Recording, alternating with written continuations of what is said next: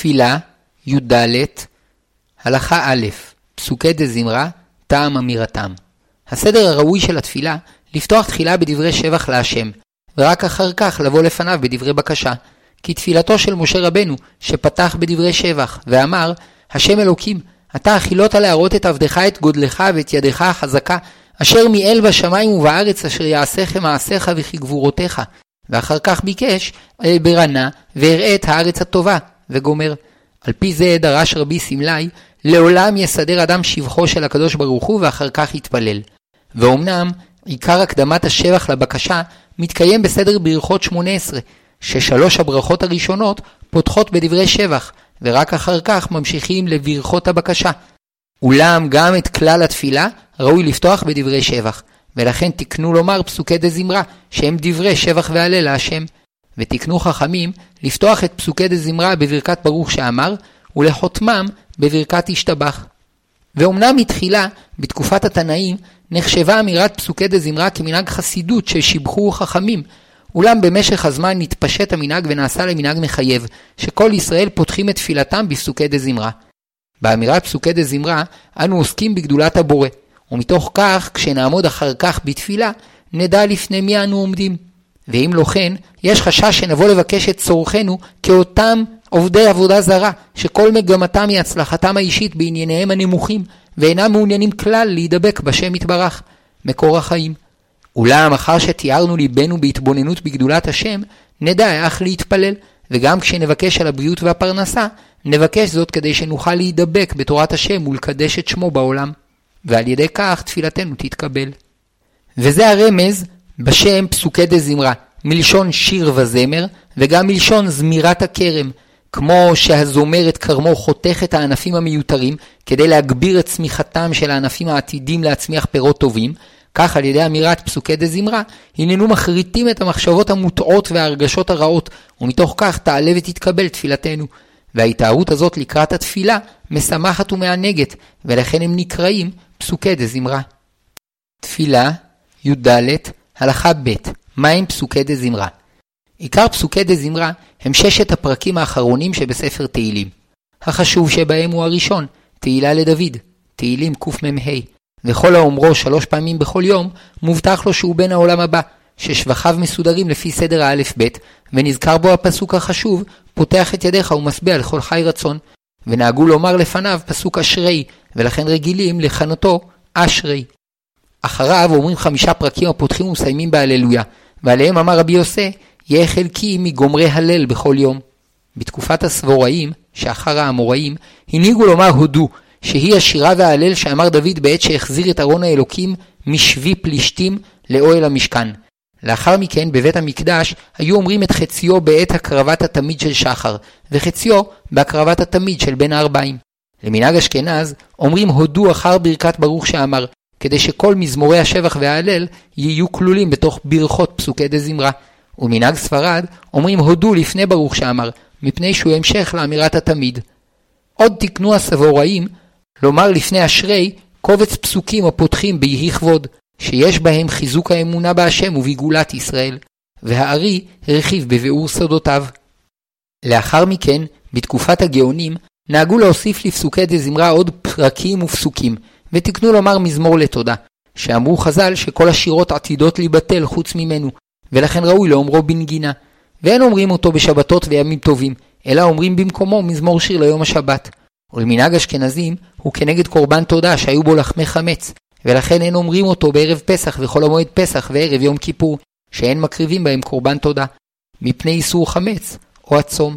ולמנהג ספרד אומרים אותו בימים אלו, מפני שעיקרו לשבח והודאה ולא כנגד קורבן תודה. כתבו הגאונים שיש נוהגים לומר ויברך דוד, ושירת הים אשר שרו משה ובני ישראל להשם. ואומנם עיקר פסוקי דזמרה משירי דוד, כפי שאומרים בנוסח ברכת ברוך שאמר, ובשירי דוד נהללך. אולם בתקופת הגאונים היו שנהגו להוסיף פסוקים מהתורה ומנחמיה, ובסוף תקופת הראשונים כבר נהגו הכל לאומרם. תפילה, י"ד, הלכה ג' מנהגים וכוונה באמירתם. אומרים את הזמירות בנחת ולא במרוצה. מפני מעלתה המיוחדת של ברכת ברוך שאמר, שרומזת לעניינים עליונים, נהגו לאומרה בעמידה. ולמנהג אשכנז, עומדים גם בברכת השתבח, החותמת את פסוקי דזמרה, ולמנהג ספרד אין עומדים. וכן נהגו לעמוד ב"ויברך דוד עד אשר בחרת באברהם", משום כבודה של מלכות ישראל שנוסדה על ידי דוד המלך. אחר שלמדנו שאחד משני הטעמים לאמירת אשרי הוא מפני שנזכר בו הפסוק פותח את ידיך ומשביע לכל חי רצון, צריך לומר פסוק זה בכוונה. ואם אמרו בלא כוונה, צריך לחזור ולאומרו בכוונה. ואף שכבר הגיע לפרקים אחרים, יחזור לאומרו בכוונה, כי הוא החשוב שבפסוקי דזמרה. ויש אומרים שהואיל ולא כיוון בפסוק העיקרי, כל מה שאמר אחר כך, עד סוף הפרק, אינו נחשב, ועליו לחזור ולומר מפסוק פותח ועד סוף הפרק. אבל לרוב הפוסקים, מספיק לחזור ולומר את הפסוק פותח בלבד. תפילה, י"ד, הלכה ד', דיני הפסקה בפסוקי דזמרה. כיוון שברכת ברוך שאמר היא הברכה שלפני פסוקי דזמרה, והשתבח היא הברכה שאחריהם, הרי שכל פסוקי דזמרה הם חטיבה אחת ואסור להפסיק באמצע אמירתם. אמנם לצורך גדול, כגון למנוע הפסד, מותר להפסיק בדיבור.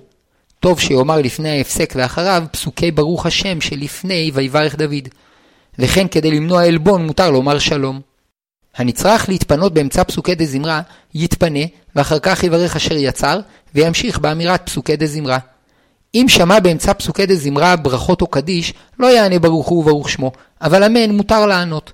ואף שמותר לענות אמן, אין חובה לענות, שהואיל והוא עוסק במצוות אמירת פסוקי דזמרה, הוא פטור מהמצווה לענות אחר דברים אחרים שבקדושה.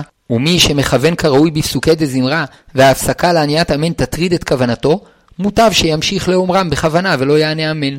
אבל אם שמע את הציבור אומרים קדושה, יעמוד ברגליים צמודות ויצטרף עליהם, כדי שלא יבלוט כמי שאינו משתתף עם הציבור בדברים שבקדושה. וכן אם הגיעו למודים דרבנן או ברחו, ישחה מעט ויענה עמהם. ואם הוא מתפלל במניין שנמצא בפסוקי דזמרה, ושמע ממניין אחר קדושה או מודים או ברחו, רשאי להמשיך לשבת ולומר פסוקי דזמרה, הואיל ואינו נראה כפורש מהציבור, בזה שהוא ממשיך להתפלל כסדרו. אין לקרוא לתורה למי שנמצא בפסוקי דזמרה, ורק אם הוא כהן או לוי ואין שם כהן או לוי אחר, יקראוהו לתורה. וכיוון שהוא באמצע פסוקי דזמרה, לא יפסיק כדי לבקש מהגבאי לומר לו מי שברך, ואם הגבאי טעה וקרא לישראל שעומד באמצע פסוקי דזמרה, יעלה, משום כבוד התורה והציבור. תפילה, י"ד, הלכה ה' על מה ראוי לדלג כדי להגיע לתפילה במניין. המאחר לתפילה ורואה שהציבור עומד לסיים את פסוקי דזמרה, מוטב שידלג על פרקים מפסוקי דזמרה כדי להתפלל במניין, מפני שמעלת התפילה במניין גדולה ממעלת אמירת פסוקי דזמרה, שכל עניין אמירת פסוקי דזמרה הוא כדי להתכונן לתפילה, שמתוך כך תתקבל יותר, אבל המתפלל במניין בוודאי תפילתו מקובלת ורצויה. לפיכך, המאחר לתפילה, מוטב שידלג על רוב ברכות השחר, קורבנות ופרקים מפסוקי דזמרה, כדי שיספיק להתפלל שמונה עשרה במניין.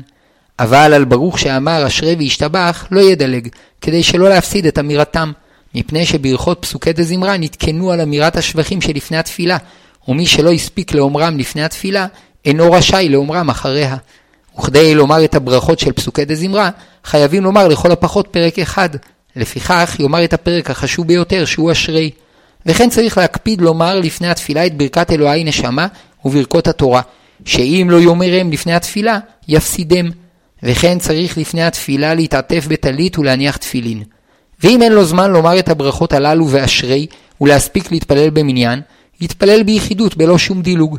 לכתחילה, ישתדל לכוון את דילוגיו כך שיספיק להתפלל עם הציבור, היינו עם עשרה שמתפללים עמידה בלחש. אבל אם הוא רואה שלא יוכל לומר את הברכות ואשרי ולהספיק להתפלל בלחש עם הציבור, ישתדל להתפלל עם חזרת השץ, שגם באופן זה הוא נחשב כמתפלל במניין לרוב הפוסקים. מי שנאלץ לדלג על פרקים מפסוקי דזמרה כדי להתפלל במניין, אינו חייב להשלימם אחר התפילה, אבל טוב שישלימם.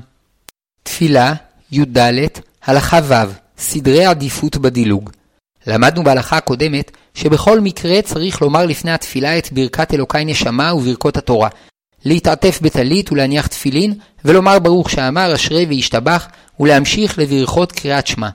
לפיכך, המאחר לתפילה, אם יכול לומר את הדברים הללו ולהספיק להתפלל עם השליח ציבור, ידלג על כל השאר כדי להתפלל במניין.